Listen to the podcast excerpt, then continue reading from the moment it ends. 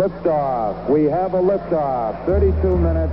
And I can't think of anything more exciting than going out there and being among the stars. That's why. 35.000 kilometer over jorden svæver værsatellitter, som hver dag tager billeder af vores planet. Fra den højde, der ligner jorden en globus med sine skyer, oceaner og kontinenter. Og man kan knap nok se, at der rent faktisk bor mennesker på den blå planet. Men i sidste uge sprang en vulkan i Stillehavet i luften. Og satellitterne de tog billeder af den her chokbølge, som rasede afsted, og skyen af aske og støv, som voksede som en stor, grå bums i det blå Stillehav. Det er nogle af de vildeste billeder, som jeg nogensinde har set fra rummet, og i den nye rumalder på Radio 4 i dag, der kigger vi på, hvordan satellitter i rummet hjælper os med at forstå og overvåge naturkatastrofer hernede på jorden. Og senere, så skal vi høre, hvorfor det europæiske rumfartagentur undersøger, om man kan sende folk med handicap i rummet, og vi skal høre fra en dansker i kørestol, som godt kunne tænke sig at blive astronaut. Mit navn er Thomas Schumann. Discovery, go at throttle up. Zero G, and I feel fine. Capsule is turning around. Tranquility Base here. The Eagle has landed. Som altid, så kan du sende sms'er ind undervejs i programmet. Du sender en sms til 1424, start din besked på med R4, et mellemrum, og så din besked. Og øh, jeg kunne godt tænke mig at høre fra jer derude, om øh, I har set de her satellitbilleder af vulkanudbruddet, der fandt sted i Honga Tonga, Honga Hapai, og øh, hvad du tænkte først, da du så de her billeder af den her kæmpe store askesky, der ligesom spredte sig i øh, Stillehavet. Jeg kunne også godt tænke mig at høre, hvad du tænker om, at ESA altså vil prøve at undersøge mulighederne for at sende folk med handicap i rummet. Du sender som sagt sms'en til 1424, start din besked med R4 i et mellemrum, og så din besked. Og skriv også gerne øh, lige dit navn og hvorfra i landet du kommer fra. check all of that out. It's- Holy fuck! Holy shit! Fredag sprang en vulkan på øen Honga Tonga Hunga Hapai i luften. Øen er en af de 170 øer, som landet Tonga består af. Det er altså et land, som ligger ude i Stillehavet øst for New Zealand. Vulkanudbruddet det var så stort og så kraftfuldt, at det altså blev observeret af satellitter i rummet. Gro Birkefeldt Møller Pedersen, velkommen til den nye rumalder. Jo, tak skal du have. Du er geolog, og så forsker du i vulkaner på Universitetet i Island, og vi har dig med nu på en forbindelse fra Island simpelthen. Hvad tænkte du først, da du så de her satellitbilleder af udbruddet i uh, Honga Tonga, uh, Honga Hapai, sådan er, udtaler man det vist. Hvad tænkte du, da du første gang så billederne? ja. Jamen altså, jeg tror øh, nøjagtigt det er det samme som alle mulige andre. Det var holy moly. Det, det ser ud som en, en rigtig stor eksplosion. Øh, det var jo voldsomt, så hurtigt askeskyen den voksede. Ikke? Den voksede sig inden for 30 minutter øh, et område på størrelse med Island, det vil sige dobbelt så stort som Danmark. Ikke? Så det er jo sådan en kæmpe stor askesky, man kan forestille sig bare folde sig ud over øh, ja, øh, himlen ovenover sig. Mm. Øh, og så, øh, så var det jo fascinerende at se, øh, hvor veldokumenteret det var med satellitterne. Se den her trykbølge. Det er noget, som øh, vi har hørt om vulkanudbrud fra for eksempel Krakatau i 1883, at vi ved, der var lydbølger, der øh, bevægede sig rundt om jorden flere omgange. Og vi ved, at der var tsunamier, der var genereret ved det her udbrud.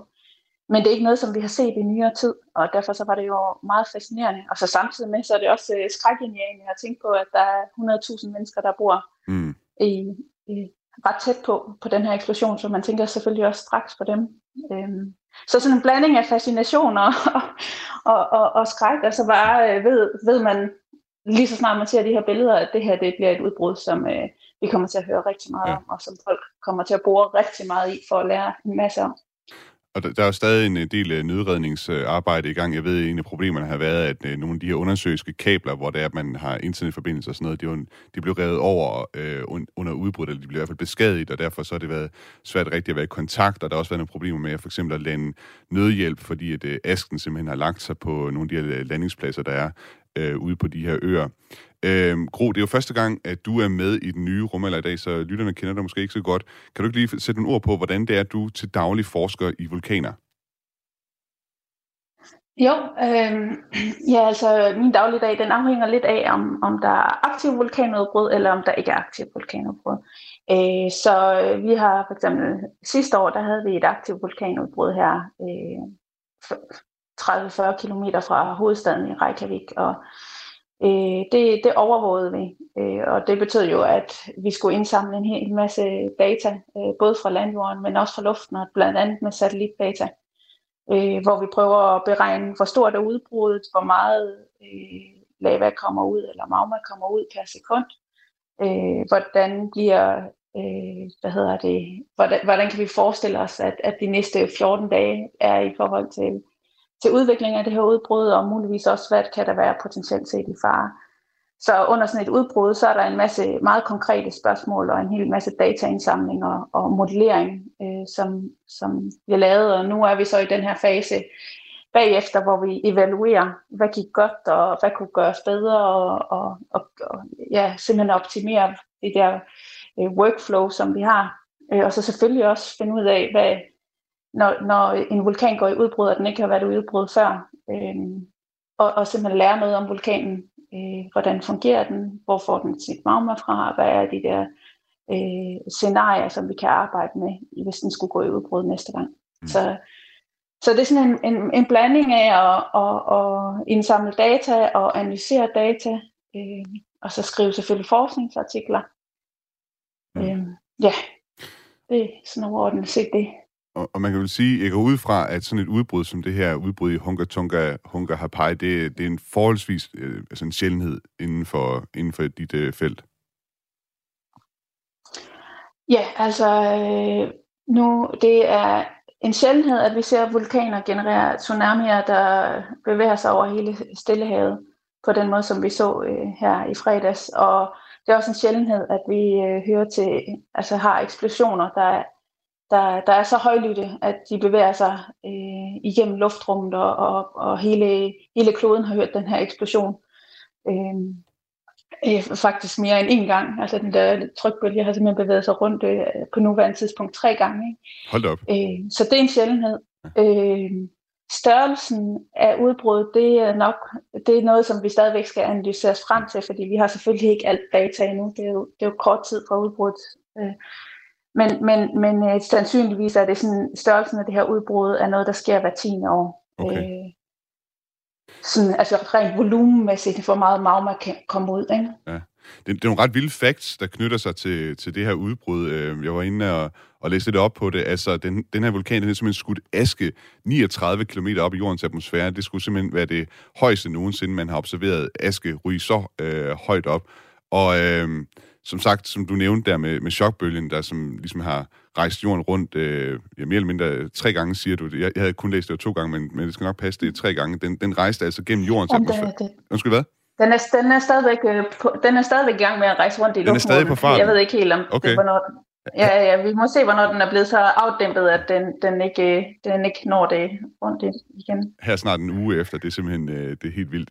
Øh, sprængkraften har jeg også kunne læse mig til, var mere end 500 gange så kraftig som atombomben, der blev kastet over Hiroshima øh, i Japan i slutningen af 2. verdenskrig. Nu, nu øh, den her vulkan, øh, det her udbrud, det blev så observeret rigtig meget fra, fra satellitter. Det var de første billeder, jeg i hvert fald så øh, af den her, den her, det her udbrud. Ved vi noget om, hvad de her observationer fra rummet, de kan lære os øh, om vulkanudbrud som det her? Øh, ja, altså øh, for det første så er indikationen af højden øh, af sådan en sky der, det, det siger os noget om, om størrelsen. Det er ikke, øh, det er ikke, øh, altså det er ikke et sådan det, det endelige måde at, at, at finde ud af, hvad størrelsen af vulkanudbrud på, på, det er en god indikation af, at vi har et, et ret stort øh, udbrud. Så simpelthen at kunne måle højden af askeskyen øh, betyder en del. Så kan man også gå ind med forskellige satellitter og simpelthen analysere, hvad er det, vi kan se i den her askesky. Og du kan blandt andet finde ud af, hvor meget svovldioxid øh, der er i den her askesky. Og, og, og svovldioxid er ret vigtigt, fordi at det, det har indflydelse på, hvor stor klimatisk effekt det her udbrud har. Og heldigvis så ser det ud til, at, øh, at mængden af svovldioxid i det her udbrud, øh, altså det var, det var cirka 0,4 millioner øh, tons, så det er stadigvæk en ordentlig portion svoldioxid. Men, men det er ikke regnet som tilstrækkeligt til at have øh, sådan øh, impact på, på, på klimaet på i sådan de næste 1 til 2 3 år. Vi ved, at øh, der var et stort udbrud i Pinatuba øh, tilbage i, i 91. Øh, der var øh, svovldioxidindholdet omkring 20 millioner øh, tons, så det er jo væsentligt større. Så, så, så satellitter de kan simpelthen give forskellige informationer, alt efter hvad for nogle sensorer man bruger øh, til at kigge på dem. Og jeg tænker, som, som, som forsker altså, i, i vulkaner, altså, hvor afgørende er det for eksempel for din forskning, det her med, at man har øh, satellitbilleder. Nu ved jeg godt, du har, du har mere eller mindre en vulkan, øh, eller flere vulkaner i, i din baghave øh, op på Island, men øh, hvor, hvor vigtige er, er satellitterne i, i den forskning, du laver? Jamen, satellitterne, det er, det er hvad hedder det, nøgledata. øhm, og, og det vil jeg sige, det er det over hele verden, uanset om du har dine vulkaner i baghaven, eller om de er langt væk. Altså selvfølgelig, så hvis, hvis du er på Honka Tonga, og, og, og, og du faktisk ikke har særlig meget data på vulkanen, fordi at det meste det ligger under undersøges, så, øh, så betyder satellitterne endnu mere, men selv her på Island betyder satellitdata rigtig meget, fordi at satellitdata giver dig et rigtig stort overblik, og, og vi skal selvfølgelig ikke glemme, at det at indhente data i forbindelse med vulkanudbrud kan, kan altså godt være farligt, hvis du er nede på jorden, landjorden og skal indsamle det, så, så kunne få data fra rummet kan betyde en hel masse ting øh, og kan give et rigtig godt overblik. Men det er stadigvæk komplementært data til det, som vi gerne vil indsamle for, fra landjorden, fordi mm. vi kan ikke få alle oplysninger fra satellitter, men vi kan få en masse. Og en af grundene til, at det her program jo hedder Den, den nye rumalder, det er blandt andet fordi, at øh, det er noget af det, man taler meget om i rumfartindustrien i det hele taget. Der har inden for de seneste år været en, en rivende udvikling, i hvert fald øh, i forhold til at sende øh, mange flere satellitter i kredsløb om jorden, som så laver såkaldt øh, jordobservation, hvor de ligesom har kameraer og sensorer og andet, der peger ned mod jorden, og så ligesom observerer de forandringer, der sker hernede. Den, den forandring, som vi har set der, det er også noget, der har betydet for, altså haft nogen betydning for, for dit område, dit forskningsområde?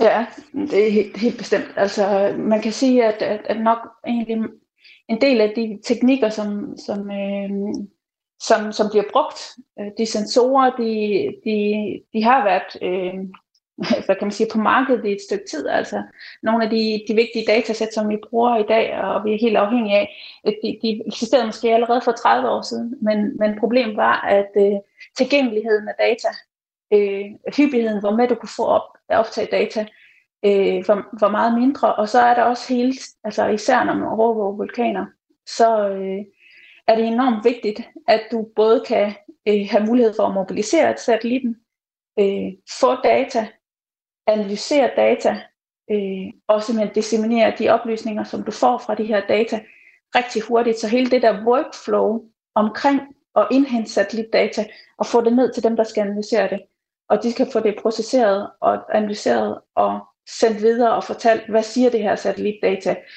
Den proces øh, går meget hurtigere nu, og det er takket være, at både at der er en hel masse flere aktører, og så er der også en ny politik inden for området. For eksempel tilbage i 2014-15, der øh, besluttede ESA sig for, at øh, Sentinel-missionerne, de, alt deres data, det skulle simpelthen være gratis og tilgængeligt for alle. Øh, og det har simpelthen revolutioneret området, fordi at det betyder, at vi lige pludselig kan øh, regne med de her data. Altså, det er ikke noget, der koster så meget, så vi ved faktisk ikke, om vi har råd til dem i forbindelse med vores overvågning. Vi kan faktisk bygge vores overvågningsprogrammer op omkring de her data. Og det, det betyder alt. Så der er helt klart, øh, og jeg har været i gang med at bruge satellitdata vel de sidste 15 år, der har sket en hel masse de sidste, de sidste 5-10 år okay. på det område. Ja. Øh, før, før i tiden var det meget sværere at få, få fat i alt det, det interessante data, du skulle have gode kontakter eller en kæmpe pengepunkt. Okay, ja, det skulle man simpelthen tidligere, men, øh, men nu så er det mere, mere tilgængeligt til mænd. Øh, Gro, vi, vi, har ja. fået, vi, vi har fået nogle uh, sms'er her fra, fra vores lyttere. Der er Claus her, som har skrevet uh, en sms her, han skriver, har hørt, at GSO øh, parentes geostationært kredsløb af 36.000 km over jordens overflade. Passer det, skriver Claus, og det kan jeg sige, øh, ja, jeg tror nu godt nok, det er 35.000, men øh, det skal vi ikke blive uvenner over, Claus, om det er 35.000 eller 36.000. Og så skriver han også, kunne chokbølgen... Jeg tror, det er 35.000 et eller andet op i... Altså, det er 35.700 et eller andet, så jeg tror, det er... Så vi kan runde op, vi kan runde op til 36.000. Lige hvordan vi runder tallene af. ja. ja, lige præcis. Så, så skriver Claus også, uh, kunne chokbølgen fra udbruddet høres i Danmark? Og det mener jeg ikke. Jeg har i hvert fald ikke hørt noget. Nej, altså jeg har hørt lydoptagelser fra Alaska, som jo er 10.000 km væk, men man har kunnet se det på målestationer i Danmark. Mm. Øhm, så jeg tror ikke, at folk har, har, har kunne høre med deres øh, eget øre eksplosionen. Men man har simpelthen kunne måle det sådan i, i trykdata, eller hvad skal man sige, sådan noget barometrisk data? Eller hvad ja, det hedder, der kan man måle ja, det i trykdata. Ja, ja, lige præcis, ja. Så har vi også en mess her fra Lars. Men der er noget, Måske, ja. ja. Nej, men der er bare, der er, hvis øh, folk ikke har set den, så er der videoer fra Alaska, hvor man simpelthen kan høre det der mm. øh, øh, brag, det er ret vildt, øh, at det er 10.000 km væk, at de så kan høre det så tydeligt. Altså det er tydeligvis et, et, et brag. Ja. Så det kan jeg bare anbefale, at man går ind og finder den video. ja, vi kan lige prøve at høre. Jeg tror nu godt nok, øh, vi havde jo et klip her tidligere, som, øh, som jeg spillede også. Jeg tror nu godt nok, det er fra en af de nærliggende øer, men det giver måske et meget godt billede af, hvordan det, det nok har lyttet. Vi kan lige prøve at høre det her igen. Check all of that out. Oh, fuck! Holy shit! Ja, holy shit, det må man nok sige. Så har vi også en, øh, en, øh, en lytter mere her, der skriver, øh, det er Lars fra Skive, der skriver, øh, Hejsa, da man så billederne fra vulkanudbruddet, var min allerførste tanke, at den fart måtte være manipuleret. Men det var real time, fuldstændig fantastisk øh, oplysende.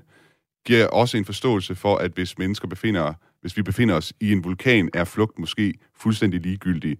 Pompeji giver lige pludselig større mening om, hvorfor man blev fanget. Hvad nu hvis Vesuv går i udbrud? Hvor mange menneskeliv i Napoli-bugten vil det så ikke koste? Det tror jeg, det er nok lidt et øh, åbent spørgsmål, og også lidt afhængig af, hvor voldsomt udbruddet vil være. Vil du ikke være enig i det, Kron?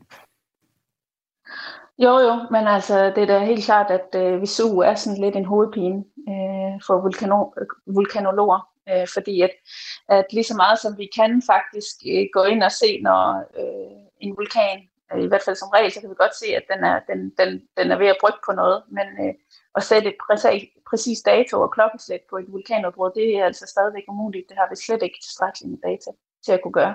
Og det vil sige, at hvis man skal evakuere en, en millionby, ikke, så kan du ikke sige, ja, den skal lige evakueres på 2, 3, 4, måske et år.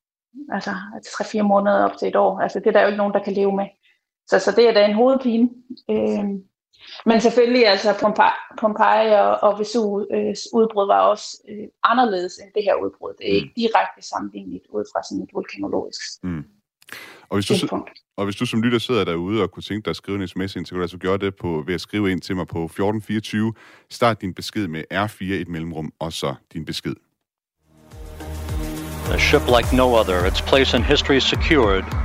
The space shuttle pulls into port for the last time its voyage at an end.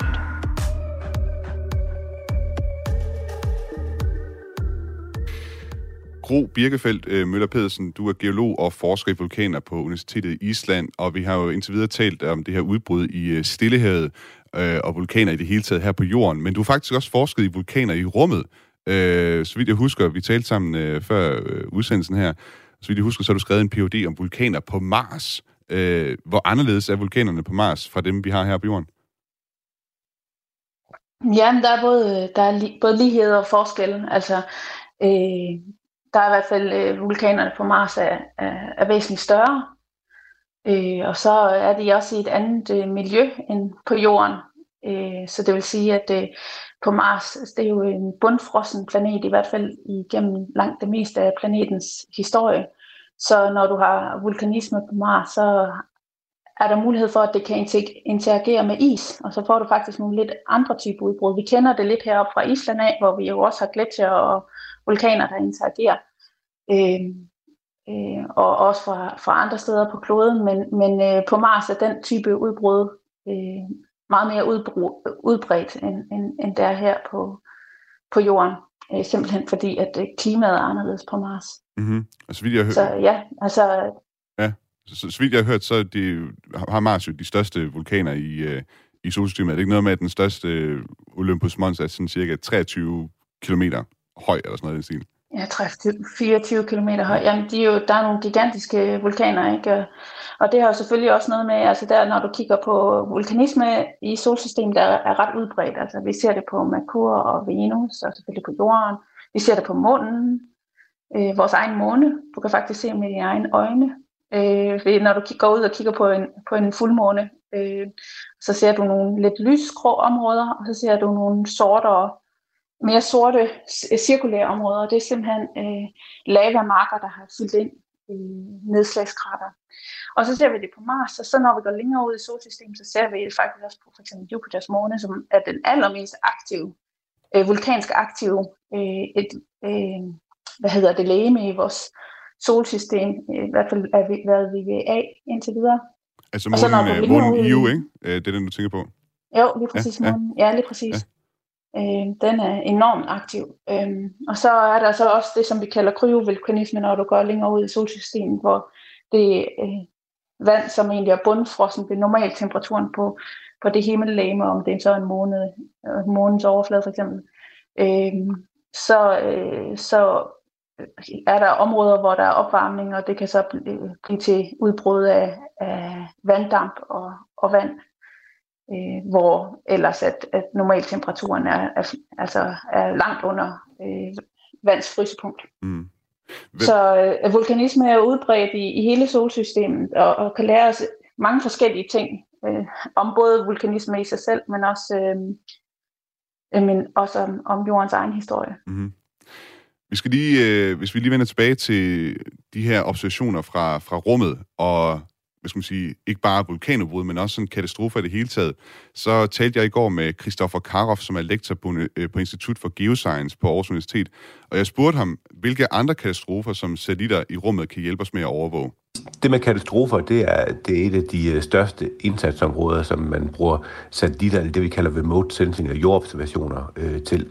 Øh, og sådan en ting, der ligger tættere på vulkanudbrud, det er jo øh, jordskæld for eksempel, øh, men også øh, laviner og øh, jordskred er, er ting, hvor man bor remote sensing efterfølgende. Øh, og, og sådan ting, der er tættere på os om i Europa og sådan noget, der er skovbrænde en stor ting, som man kan, man kan se og følge, øh, men også oversvømmelser, det har vi jo også i Danmark, og, og tørke, når, når, når det så sker, er ting, som man, man bruger satellitter til at holde øje med og til at overvåge, hvordan det går. Da corona øh, startede øh, for, for, for nu snart to år siden, øh, holdte øh, det her Copernicus-program, som, som er øh, EU-kommissionens øh, jordobservationsprogram, øh, nogle møder og nogle workshops om, hvordan man kunne bruge de her satellitter til øh, at bekæmpe den her pandemi med.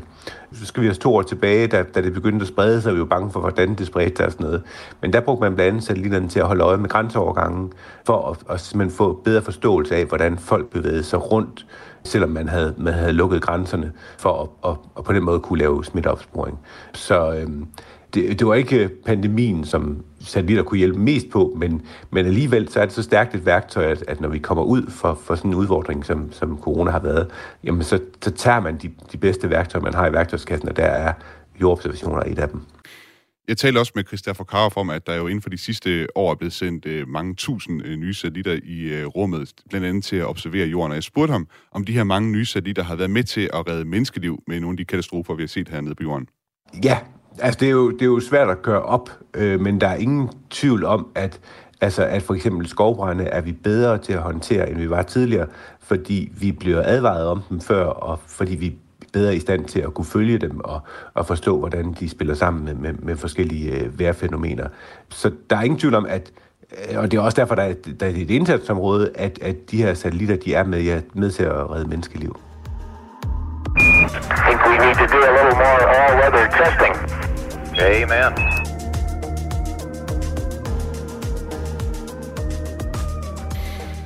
Bro Birkefeldt uh, Møller Pedersen, uh, altså geolog og forsker i vulkaner på Universitetet i uh, Island. Uh, jeg har lige et sidste spørgsmål, før vi lige helt skal runde af. Det bliver bare et ja-nej-spørgsmål. Det er fra en lytter, der spørger, om vulkanens trykbølge kan ændre på vejret i Danmark. Det vil jeg ikke tro, at det kan. Nej. Okay, men måske sådan noget aske og sådan noget, hvis det bliver tilstrækkeligt meget, så kunne det måske godt. Ja, altså vi har jo set, at, at vulkanudbrud kan have indflydelse på vejr og klima, men det ser ikke ud til, at den her udbrud har været tilstrækkelig øh, til at kunne have indflydelse på klima. Gro Birkefeldt øh, Møller Pedersen, tak fordi du har været med i øh, den nye rumalder i dag og gør os klogere på vulkaner.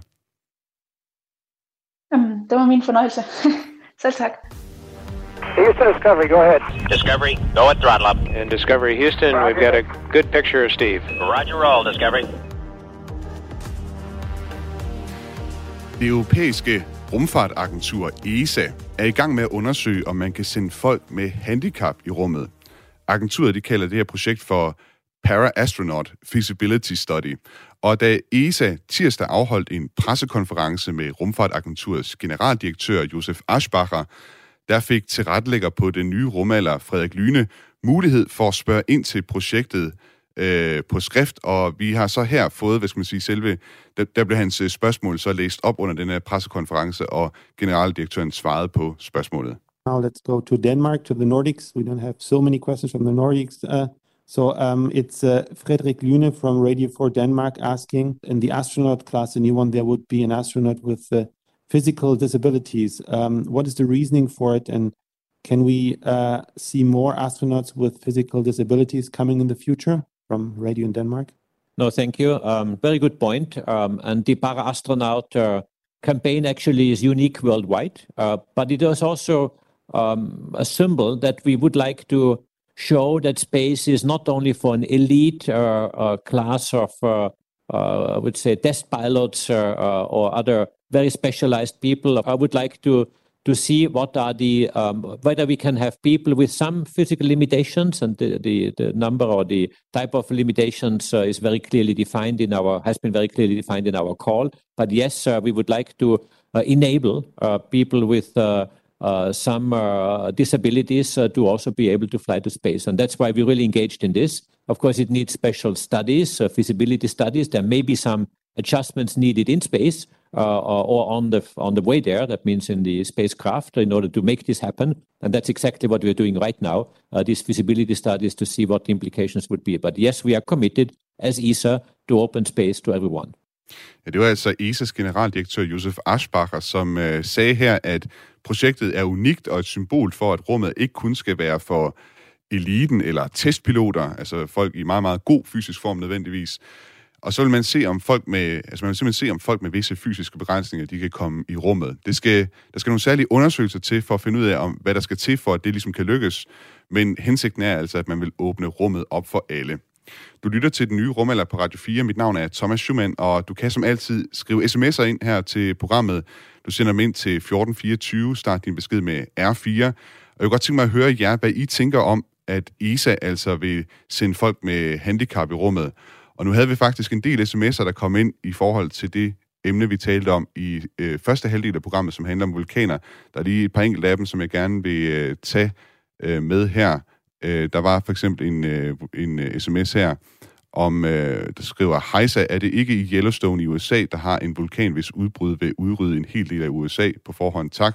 at der er en, der hedder Ina, som skriver ind, og det, øh, det må jeg indrømme, der er svar skyldig. Jeg synes godt, jeg har hørt noget om det der. Og så har vi en her, der skriver, at det er Ivan Agerbo, som spørger, hej, den trykbølge fra vulkanen, hvor langt ude i verdensrummet kan den observeres og eller måles? Og der kan jeg så sige, det er altså ude i cirka 36.000 km højde, at de her bærsatellitter øh, blandt andet tog billeder af vulkanudbruddet. Hvis du sidder med og gerne vil skrive en sms ind, så skriv en sms ind til 1424, start din besked med R4, et mellemrum, og så din besked. Nu kan jeg byde velkommen til Jonas Grav og Christina Tolbo. Velkommen til den nye rumalder. Mange tak. Ja, tak. Nogle af programmets lyttere vil nok kende øh, Christine Tolbo, altså phd studerende ved DTU Space. Du har før været gæst i programmet. Men øh, Jonas, det er første gang, at du er med i den nye rumalder her på Radio 4. Og du er simpelthen med, fordi at du har været i gang med at prøve at søge ind som astronaut i forbindelse med ESA's Para-Astronaut Project, hvor de vil sende den første mm-hmm. astronaut med et fysisk handicap i rummet. Øh, lige til at starte med, kan, må jeg så ikke spørge dig, hvad, hvad er dit handicap? Officielt øh, hedder det øh, HSP, hereditær spastisk parapleksi, eller paraplegi.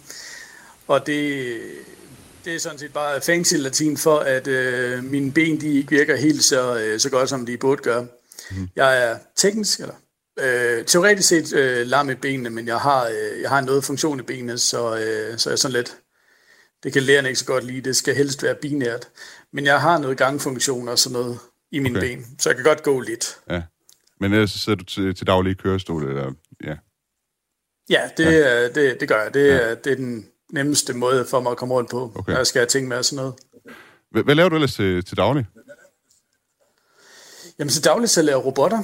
Nå? Der sidder jeg som, øh, som, ja, som salgschef i, øh, i et lille, et lille firma, der, der sælger uddannelsesrobotter, eller robotter generelt. Så, så teknik, det, øh, det, det er sådan en del af min, øh, min hverdag, både på arbejde og i, i fritid. Jeg har også et, øh, et, en virksomhed ved siden af. Der er godt nok ikke så meget gang i den endnu, men øh, hvor, øh, hvor jeg rådgiver omkring exoskeletter. Så det, det er meget spændende. Ja, og hvorfor var det, at du øh, tænkte, at du, du ville søge ind til det her Para-Astronaut-projekt, øh, som ESA har sat i søen? jeg har drømt om at være astronaut, ligesom alle, øh, alle andre børn. Alle, og øh, jeg var jeg er barn af 80'erne, så jeg kan godt huske, at øh, jeg har set nogle af de der billeder, hvor de der rumbiler, de, øh, de kørte rundt op på, øh, på månen, og jeg tænkte, altså, hvis de kan køre rundt med en rumbil op på månen, så kan jeg i hvert fald også køre rundt i en kørestol op på månen.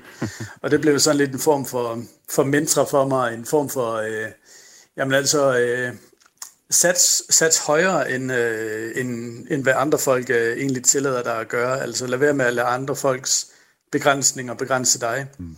Og jamen altså, i, det var en drøm, der... Øh, jeg har været, jeg har været en, jeg har været lille, så det er jo nok en, øh, en 28 år siden eller sådan noget.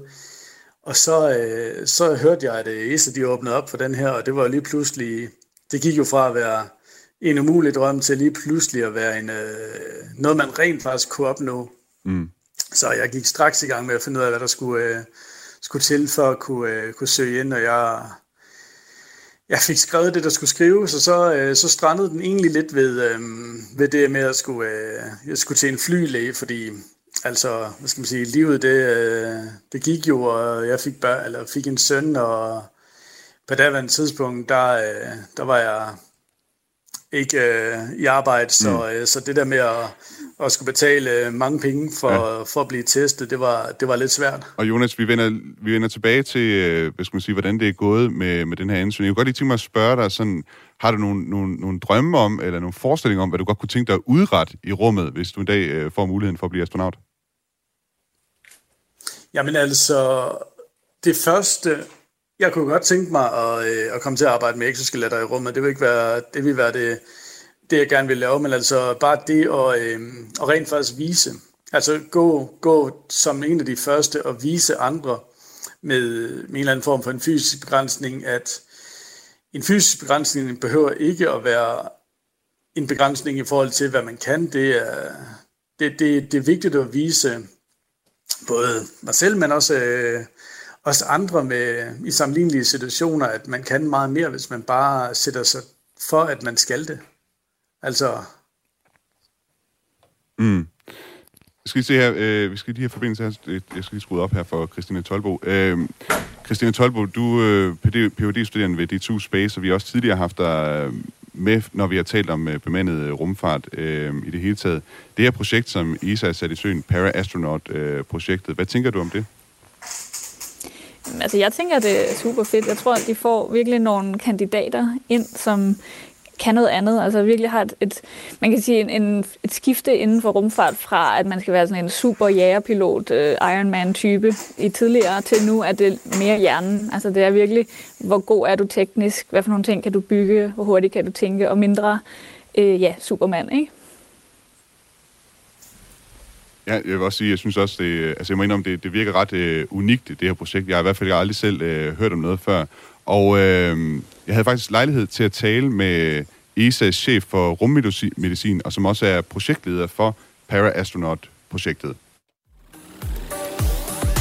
Houston Discovery, go ahead. Discovery, go at throttle up. And Discovery Houston, Roger. we've got a good picture of Steve. Roger roll, Discovery.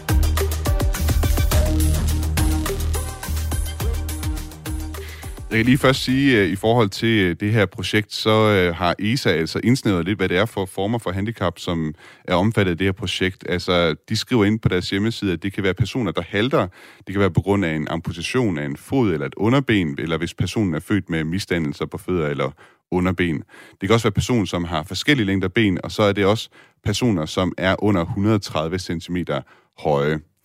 Miljøet i rummet med sin stråling og vægtløshed, det er jo ikke ligefrem et gæstfrit miljø over for mennesker. Der er mange risici forbundet med at sende mennesker i rummet på en rumraket. Og øh, det lærte jeg, da jeg talte med Guillaume Wertz, som altså er ESA's chef for rummedicin og projektleder på Para-Astronaut-projektet. Og han siger, at rumkapsler, rumdragter og rumstationen, de er simpelthen designet, så man kan minimere så mange af de risici, der er i forbindelse med at rejse i rummet. Men indtil videre, så har man altså ikke haft det med tanke, altså man er ikke designet ud fra folk, som har et øh, handicap. Lad os lige prøve at høre, hvad Guillaume han siger her. So each time that we are facing a person uh, with uh, a reduced ability or different ability, it's it always asks the question, what kind of risk might not or existing risk might not be covered or might not might imply trying to define other procedures or other ways of dealing with this risk. Så ifølge Guillaume Wertz, så er det nu på tide, at man finder ud af, hvilke risici, der kan være forbundet med at sende en person med handicap i rummet, og finde procedurer, som kan minimere de her risici. Han siger, at det i stor grad afhænger af den enkelte person og på hvilken måde man har et handicap. Det er nærmest sådan skræddersyede løsninger, man skal finde, og det kan være ret komplekst. Men faktisk er Guillaume, uh, øh, Guillaume ikke så optaget af, hvordan handicappet er en forhindring, men i stedet at finde ud af, hvad den enkelte person er i stand til.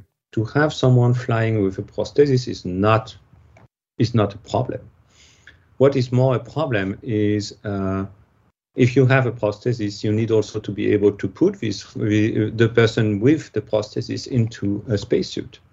But spacesuits are functioning with in pure oxygen atmosphere. And mechanics and pure oxygen are not always going very well together. Uh, or you need to take some precaution. That's uh, everybody walking in, uh, in, with pure oxygen will tell you you don't you cannot have any kind of lubrication, or at least not with with uh, fat. We need to have or fat. We need to need to have something or grease. We need need to have something else, which is not combustible, and that's all this kind of the analysis which has to be performed. Han siger, at det eksempelvis ikke nødvendigvis er en et problem at have en benprotese. Det kan godt nok være en udfordring, når astronauten skal i sin rumdragt, for en rumdragt bliver fyldt med 100% ilt, og i ren ilt, der kan alting meget let begynde at brænde, og derfor så kan det være en udfordring med den smørelse, typisk olie, som øh, kan være i en benprotese. Og det bliver man nødt til at analysere, hvad der ligesom skal ske der. Jeg kan lige sige øh, som en sidenote her, at øh, det her med ren ilt i, øh, i, hvis man sige, i en rumdragt. Det var også et problem, man havde tilbage under Apollo-programmet. Apollo 1-ulykken, hvor tre øh, astronauter lige omkom i 1967. Det var fordi, man testede en rumkapsel, hvor der var ren ilt i, og en gnist fra stikkontakten, den øh, satte simpelthen øh, en, en brand i gang inde i kapslen, og besætningen brændte simpelthen ihjel. Jeg synes i øvrigt, det er spøjst, at øh, ESA jo faktisk hverken har deres egne rumdragter eller rumkapsler. Så det her projekt, som ESA er i gang i, er jo faktisk fuldstændig afhængig af samarbejde med at ESA's partner, altså NASA og så det russiske rumprogram Roskosmos, at de er med til at hvad skal man sige, indvillige i det her. Jeg spurgte Guillaume Wertz, hvorfor ESA har kastet sig over projektet, og hvad man regner med at få ud af det. It's something which is more, more or less embedded into the, culture, the medical culture to go over to a more to open the to open the, the ground for more and more people, not to be restrictive. And the second, there is of course uh, a societal uh, or society approach or push to uh, be more and more inclusive, and people understand less and less that there are categories of individuals which are excluded from a certain activity just because there are some limitation. And again, the, what it's as long as we say yes, it, we didn't, we don't know, we can't, it, without giving any any evaluation or any reason for that, it's just very confined to arbitrary. If uh, we can say, in this situation, because uh, this risk will be uh, will be increased, and the mitigation are either not technically possible or financially not implementable because they are costing too much. We would need to redesign completely a launch pad when that costs money, and and it might just be the showstopper. But we need to identify these arguments, and that's really the reason why we have gone to uh, to this project.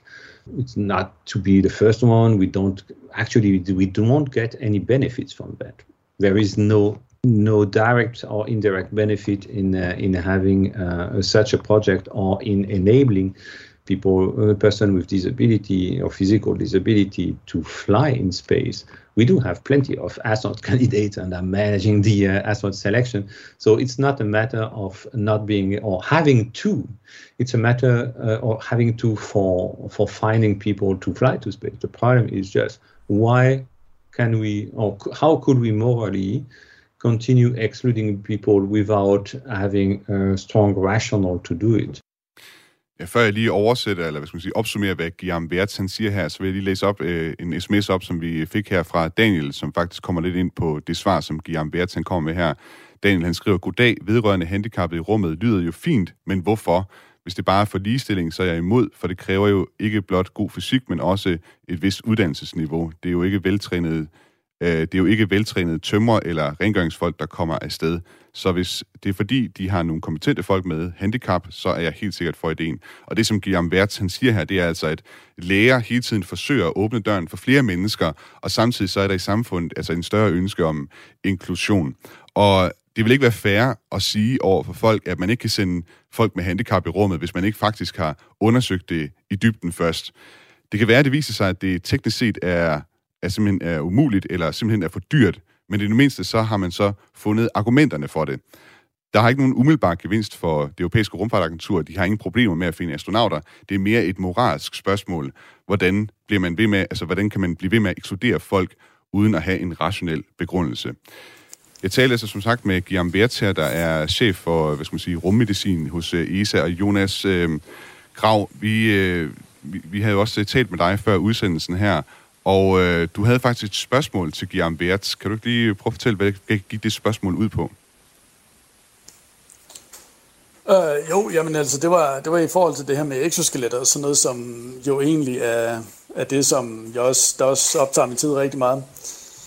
Altså, det... Jeg tænker helt klart, at, øh, at exoskeletter øh, kunne, kunne være med til at få, få flere med, med en eller anden form for, øh, for begrænsning til rent faktisk at, øh, at kunne komme ud i rummet og sådan noget. Så det, øh, nu kan jeg ikke huske helt ordret, hvad, mm. hvad mit, spørg, mit spørgsmål gik på, men altså jeg tænkte, det var sådan noget i den retning. Altså det, øh, jeg synes det er interessant, det, øh, Ja, mm. Jeg kan ikke huske øh, svaret eller spørgsmålet. Jeg ved ikke, om du, øh, du ja, har det nogle steder, vi, men altså... Vi stillede ham faktisk spørgsmålet, om, om exoskeletter kunne være en mulighed for at ligesom hjælpe folk mm. med, med et handicap. Og vi kan lige høre, hvad Guillaume han, uh, svarede uh, på spørgsmålet her. There are a few projects of exoskeleton in the agency, uh, not specifically for that purpose. It's one of the possible ways to have a person regaining um, mo- locomotion or uh, motricity to, to some extent. And again, the problem is really uh, to evaluate, and here uh, I'm really speaking from the top of my head, that's not really a question that we had already looked at. But I would say uh, naively that we would, depending on the phases of the flight, an exoskeleton might have some advantages for certain type of disability, and in for and the same for the same disabilities in in other phases, maybe free floating and when being on station, it might not be needed. Han siger, at der er enkelte projekter i ESA, altså ikke specifikt rettet mod folk med handicap, men exoskeletter er altså en måde, man kan få øh, folks øh, førlighed tilbage på. Det er ikke noget, som Guillaume har undersøgt grundigt, men umiddelbart så kan han forestille sig, at der kan være perioder i en rumflyvning, hvor et exoskelet altså kan være nyttigt for visse former for handicap. Det kan være, men, men man kan sige, mens man er vægtløs, så er det måske ikke så nødvendigt. Men det kan også være mere komplekse medicinske hensyn forbundet med det her. Så det er noget, som man ikke rigtig har forsket i nu. Det er noget, der man ligesom stadig mangler helt at få afklaret. Houston Discovery, go ahead. Discovery, go at throttle up. And Discovery Houston, Roger. we've got a good picture of Steve. Roger roll, Discovery.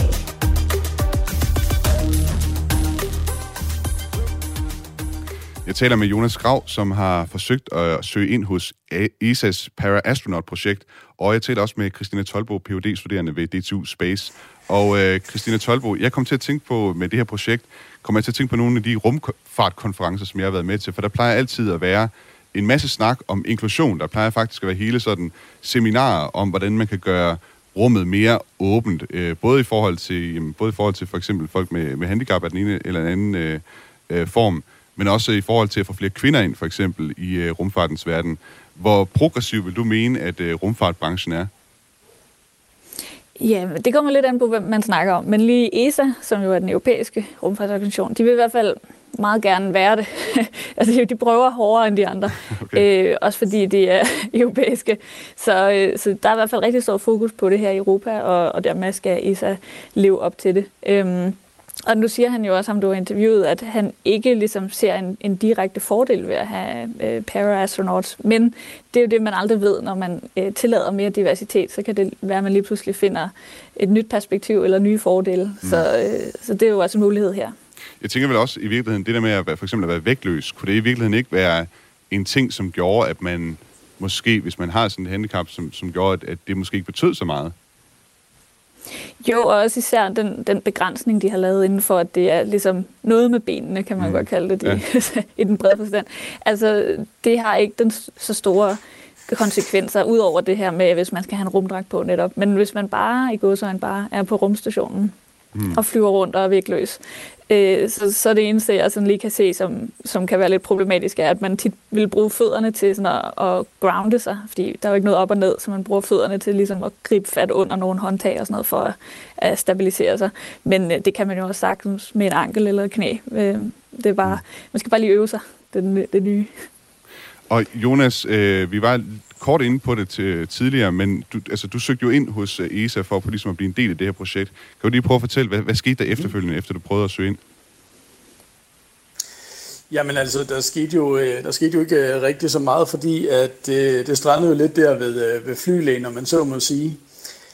Og så, øh, jamen altså, så, så, gik, så gik hverdagen jo med det, og, øh, og der, der kom arbejde og sådan noget, så det er, man kan sige, drømmen, drømmen er der jo sådan set stadigvæk, mm. og planen er der stadigvæk. Det var bare nødt til at blive udskudt en lille smule, men altså nu, øh, nu er der måske øh, øh, håb om, at der er en anden mulighed, der, øh, der er ligesom for, for at øh, der kan blive råd til den her flylæge. Det, øh. ja. Men jeg har egentlig lyst til at sige, at det som du lige snakkede om ja. tidligere, eller lige før, i forhold til det der med at komme rundt på rumstationen. Nu sidder jeg jo i kørestolen, og øh, jeg er rimelig agil i min kørestol, men jeg er jo vant til at bruge øh, mine arme til at komme rundt med. Jeg er, jo, jeg er jo ikke vant til at bruge mine ben. Så altså, det der med at, at så vidt jeg kan se, når jeg har set øh, fra, fra rummet og sådan noget, så, øh, så bevæger man jo så meget rundt ved at hjælpe øh, håndtag og bruge armene og sådan noget. Så jeg tænker faktisk egentlig, at jeg kunne have, eller hvad skal man sige, jeg og folk, der, der måske også er sammen, sammenlignelig agile i kørestol, kunne have en fordel, fordi jeg bruger jo meget mine omgivelser til, mm. når jeg kommer kørende, så tager jeg jo lige øh, fra med, med mine hænder på, øh, på overflader for sådan at komme rundt. Så jeg tænker egentlig, at det er, der kunne være noget fordel i det. Jeg ved også... Og så kommer han også ja. ind på... Øh, undskyld. Ja, så kommer han også ind på øh, ham, du har interviewet, jeg kan ikke huske, hvad, eller, hvad han hed, men øh, øh, lægen der fra ESA, at at øh, den måde, de ligesom øh, de undersøger det på, jeg, jeg ser lidt, at altså som, øh, som jeg kan ikke huske, hvad din anden, hvad hun hedder, hende du interviewer også, men altså at, at ja, lige præcis, øh, at det er jo ligesom en synergi, fordi ESA ved jo næsten, jeg kunne forestille mig, at ESA ikke ved, hvor nogle spørgsmål de egentlig skal stille. Fordi at de stiller jo bare spørgsmål ud fra, hvad de regner med er nogle udfordringer. Men det kunne være interessant, hvis der var en eller anden form for noget samarbejde i, imellem folk med handicap. Fordi jeg kunne da have nogle fordele, eller kunne da have nogle mm. idéer til, hvad der rent faktisk vil være problemer, og hvad der ikke vil være problemer. Ja, det er da spændende. Det, det kunne da godt tænkes. Jeg, jeg, jeg mener, om jeg, jeg ved for lidt om, om projektet til at vide, hvordan de samarbejder med, øh, med, med folk med handicap. Øh, jeg tænkte på, Jonas, mm. øh, hvad, hvad, hvad er så dit næste skridt nu? Øh, altså, hvad har du tænkt dig at gøre for ligesom at prøve at opnå den her drøm om at komme i rummet? Jamen, det næste skridt, det er, det er at blive, øh, komme til den her flylæge. Altså, jeg skal, jeg skal godkendes, som der står i de her papirer, så står, der står, at man skal godkendes til, at hvis man ikke havde haft et handicap, så skulle, så skulle man kunne have øh, blevet pilot. Altså, så jeg skal egentlig form for, jeg skal godkendes til, at hvis jeg var helt almindelig, så kunne jeg have søgt ind og blevet pilot. Mm. Okay. Så jeg skal godkendes af en flylæge Ja. på den måde. Så det er, jo, det er jo det næste skridt i den her proces. Ja. Øh, Christine Tolbo, jeg kommer også, kom også til at tænke på, øh, nu ESA er jo i gang med, med det her projekt for ligesom at få flere øh, mennesker med. Hvad med på DTU Space, øh, hvor du jo øh, arbejder til daglig? Hvad gør I der for ligesom at have fokus på inklusion og diversitet? Øh, jamen, der er mange forskellige, øh, hvad skal man kalde det, projekter. Øh, altså, nu, nu ved jeg mest lige om kvinder i fysik, fordi det, det er den gruppe, jeg selv tilhører, kan man sige. Øh, og der har vi jo sådan noget Girls Day in Science og praktik for, for unge piger og sådan noget. Men øh, vi har, følger selvfølgelig også den danske lovgivning, som øh, går meget op i, at der ligesom skal være lige tilgang for alle. Øh, så på den måde øh, er vi jo bare en større organisation som, som, som almindeligt. Men det var meget sjovt, hvad Jonas sagde ja. det der med, Undskyld, jeg bliver at man desværre- aldrig rigtig snakker med dem, der Christina skal Tolbo, Nå, undskyld. Jeg bliver desværre nødt til at runde af, vi er ved at løbe tør på tid her. Altså Jonas Grav, som har Ja, forsøgt at søge ind hos ESA's Para-Astronaut-projekt, og Christina Tolbo, phd studerende ved DTU Space. Tak til jer begge to, fordi I var med i den nye rummelder i dag. Programmet var tilrettelagt af Frederik Lyne, og mit navn er Thomas Schumann. Redaktør på programmet er Camilla Høj Eggers. Vi øh, sender som sagt øh, hver torsdag. Du kan høre med igen i næste uge. Indtil da, så vil jeg bare ønske dig en god uge. Ad Astra. We should have a base on the moon, like a, a permanently occupied human base on the moon, and send people to Mars. You know, and a city, build a city on Mars. That's what we should do.